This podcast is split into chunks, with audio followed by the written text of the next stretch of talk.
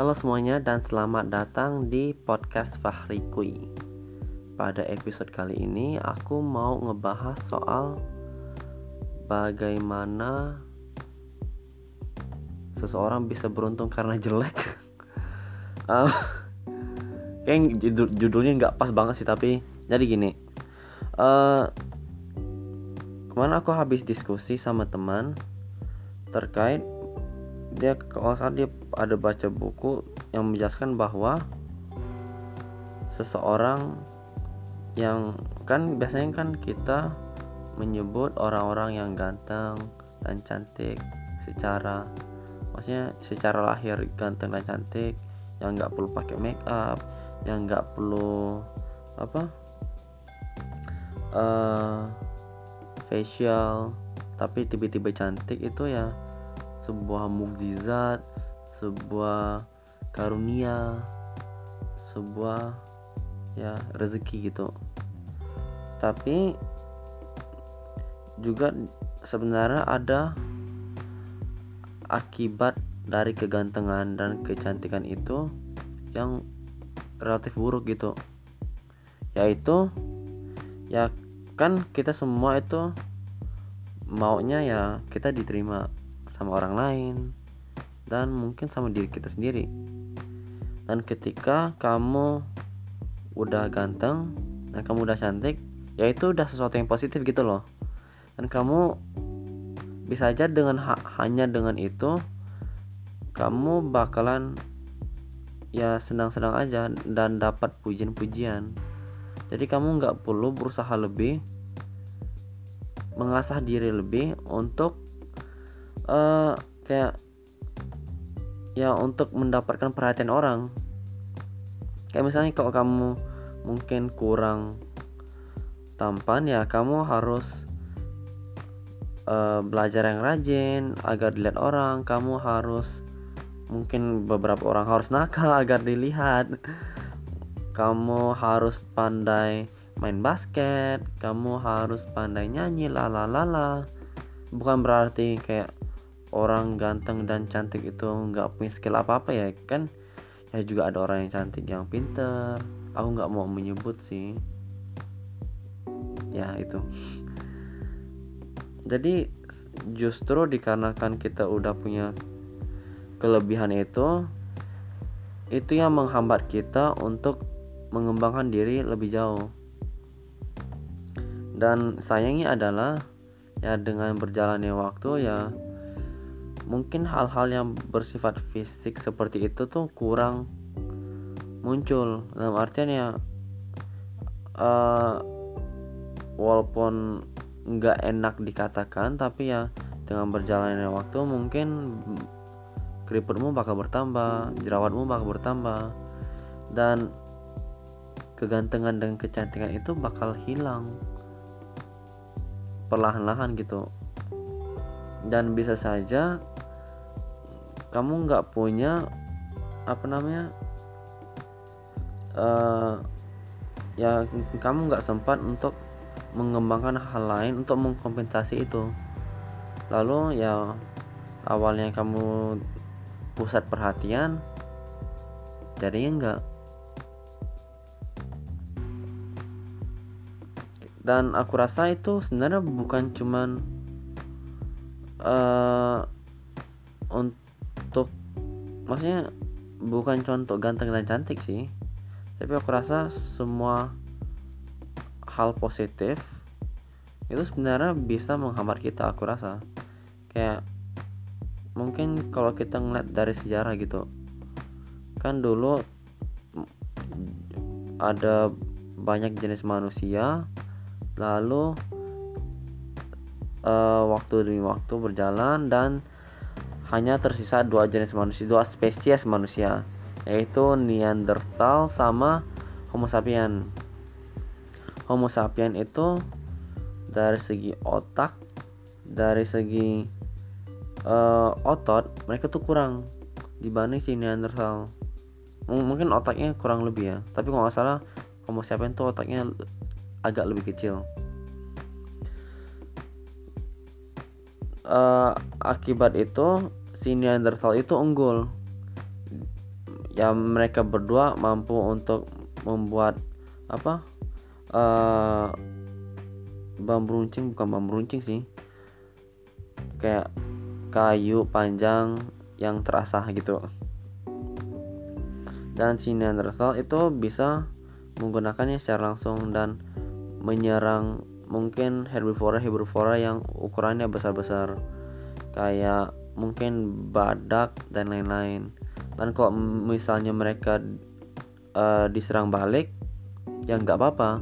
Mereka punya otot yang cukup untuk menahan itu. Tapi beda halnya dengan si homo sapien si homo sapien itu kalau misalnya mereka langsung bawa si tongkat panjang dan tajam itu ke badak ya kemungkinan besar kalau misalnya si badaknya nyerang balik mereka bakal mati. Jadi gimana caranya? Mereka itu bisa menyerang si badak dengan ya tanpa menyentuhnya. Sehingga diciptakan uh, senjata-senjata yang bisa dilempar.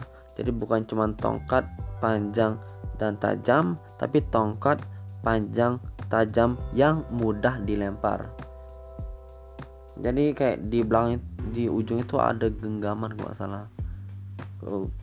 Yang mungkin aku ada beberapa yang aku miss ya karena aku nggak terlalu paham sejarah. Lalu ya lalu apa yang terjadi sekarang? Ya yang tersisa cuma Homo sapien mungkin ada beberapa Neanderthal yang pada akhirnya nikah sama si Homo sapien tapi sebagian besar dari mereka ya punah. Jadi dari sebuah kekurangan menjadi sebuah kelebihan.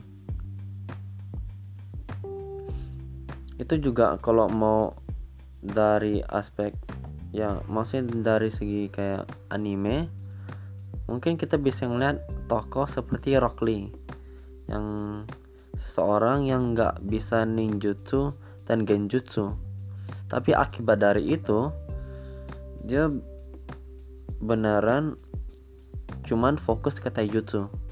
Dia cuma ninju ninju ninju push up push up push up sit up sit up sit up.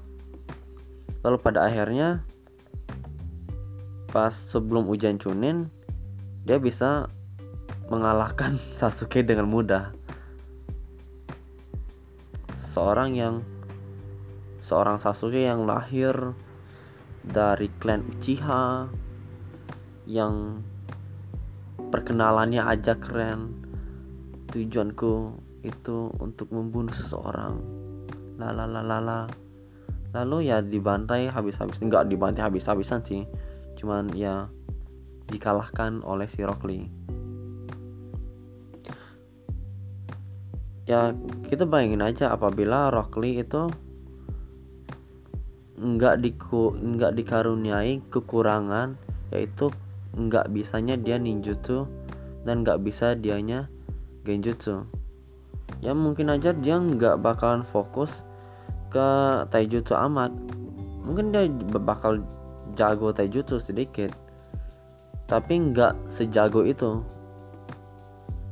Jadi justru karena kekurangan itu dia menjadi seseorang yang punya nama bukan sebuah ninja biasa.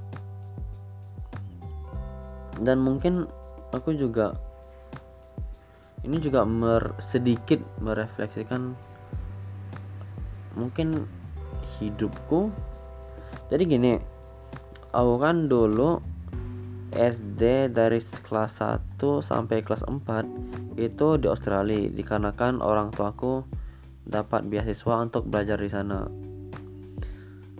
tapi akibat dari itu adalah ketika aku pulang ke Indonesia aku nggak bisa bahasa Indonesia sama sekali.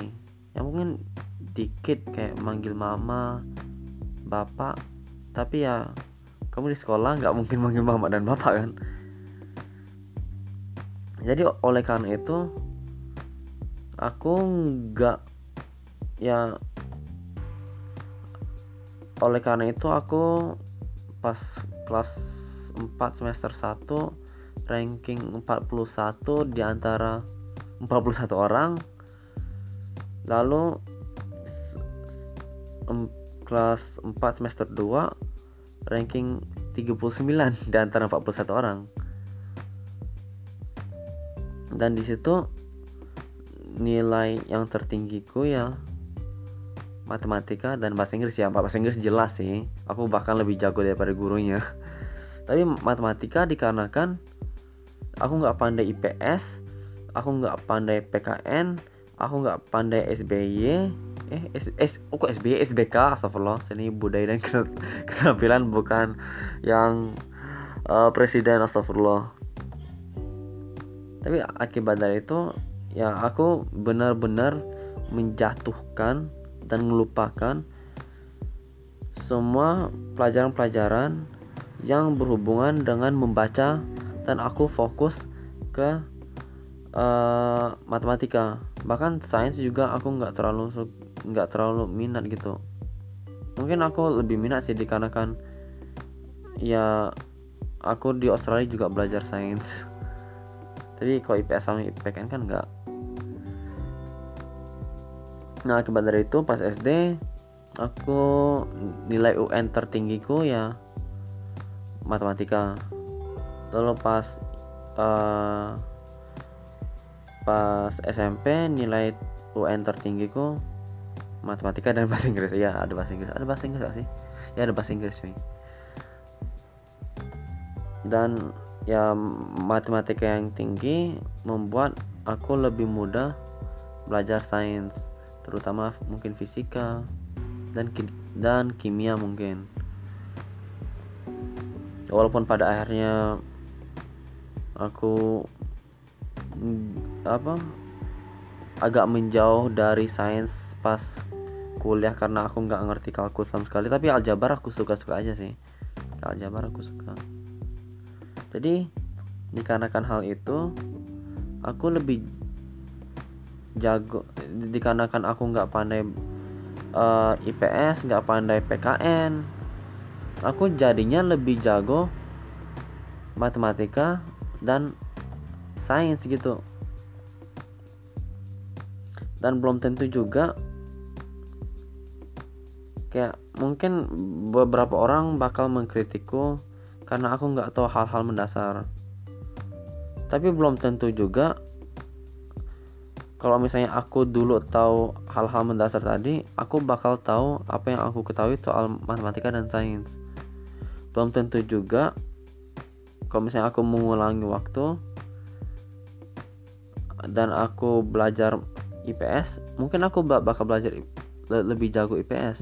Tapi belum tapi aku bisa pastikan bahwa kemampuanku untuk uh, sains dan matematika itu pasti lebih rendah. Jauh lebih rendah. Mungkin aku nggak masuk kimia UGM gitu. Jadi ya um, walaupun pada akhirnya aku juga agak kesulitan ya karena aku sangat tidak suka membaca dan rupanya pas kuliah itu kamu harus bisa membaca. Maksudnya harus buka aku bisa membaca sih tapi kayak nggak suka aja membaca gitu. Biasanya setelah tiga uh, halaman aku udah capek. Satu halaman aku udah capek sih. Jadi itu kayak dan sebenarnya bukan cuman itu sih kayak juga uh, kayak bukan cuman nggak pandai PKN dan uh, eh, IPS tapi juga sampai ke kayak olahraga gitu. Aku bukan seseorang yang pandai olahraga. Ketika pelajaran olahraga pas uh, eh, SMP SD SMA itu ketika yang lain itu uh, bermain sepak bola, bermain basket, aku seseorang yang duduk di samping lapangan dan pura-pura sibuk. Kayak cuman mandang langit, cuman uh, main sama tanganku. Tapi ya mungkin karena aku nggak pandai olahraga juga aku kayak ya lebih fokus ke sains dan matematika gitu. Ya dikarenakan kan yang jelas biasanya tuh kita tuh suka hal-hal yang kita bisa. Kayak misalnya kalau karena aku jago catur aku suka main catur. Atau mau ya mungkin ya mereka berdua ber berrelasi ya tapi jarang gitu ada orang yang nggak jago matematika tapi suka matematika hmm. dikarenakan ketidakjagoan aku dalam olahraga itu yang mungkin aku nggak menghabiskan waktu di situ tapi aku menghabiskan waktu di tempat lain ketika orang-orang menghabiskan waktu untuk main kejar-kejaran aku nggak. Ketika orang menghabiskan waktu untuk bermain basket dan sepak bola aku nggak. Dan ya dan itu dan itu berarti merefleksikan nanti kayak mendidik anak itu gimana sih? Kayak maksudku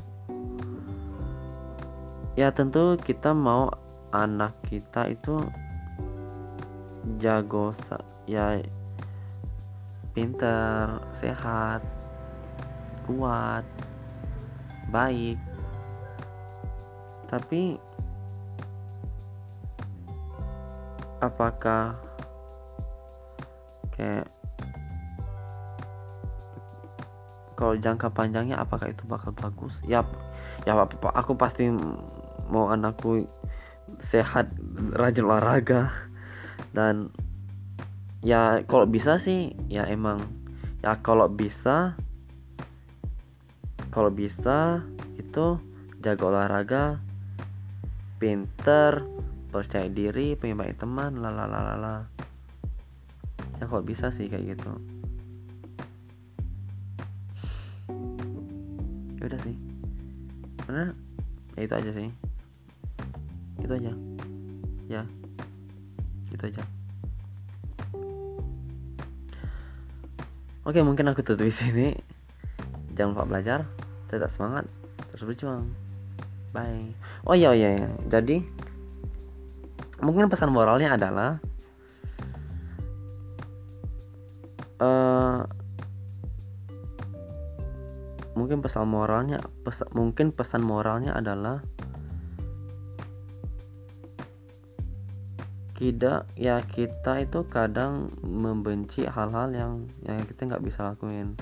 Dalam artian aku dulu agak orang yang start, starter kayak aku ngomongin gagap ya sampai sekarang sih. Dan aku benci ketika aku ngomong dan gagap. Aku benci banget. Dan itu mem mungkin membuat aku agak antisosial gitu pas beberapa tahun awal. Dan aku juga nggak pengen olahraga. Tapi aku agak bersyukur gitu loh. Aku bersyukur kalau aku dulu merupakan seorang uh, siswa yang nggak rajin membaca. Aku bersyukur. Aku menjadi aku adalah seorang siswa yang pas SD itu nggak punya teman. Karena semua kekurangan itu yang pada akhirnya membuatku terpaksa untuk menu ya memaksimalkan yang aku miliki. Jadi aku jadi seorang motivator sekarang. Fahri Golden Ways jadi ya itu sih. Ya bagaimanapun juga dengan segudang uh, kekurangan yang kita miliki aku percaya aja ada satu hal positif yang bisa kita eksploitasi. Itu aja sih. Jangan lupa belajar tetap semangat tetap berjuang. Bye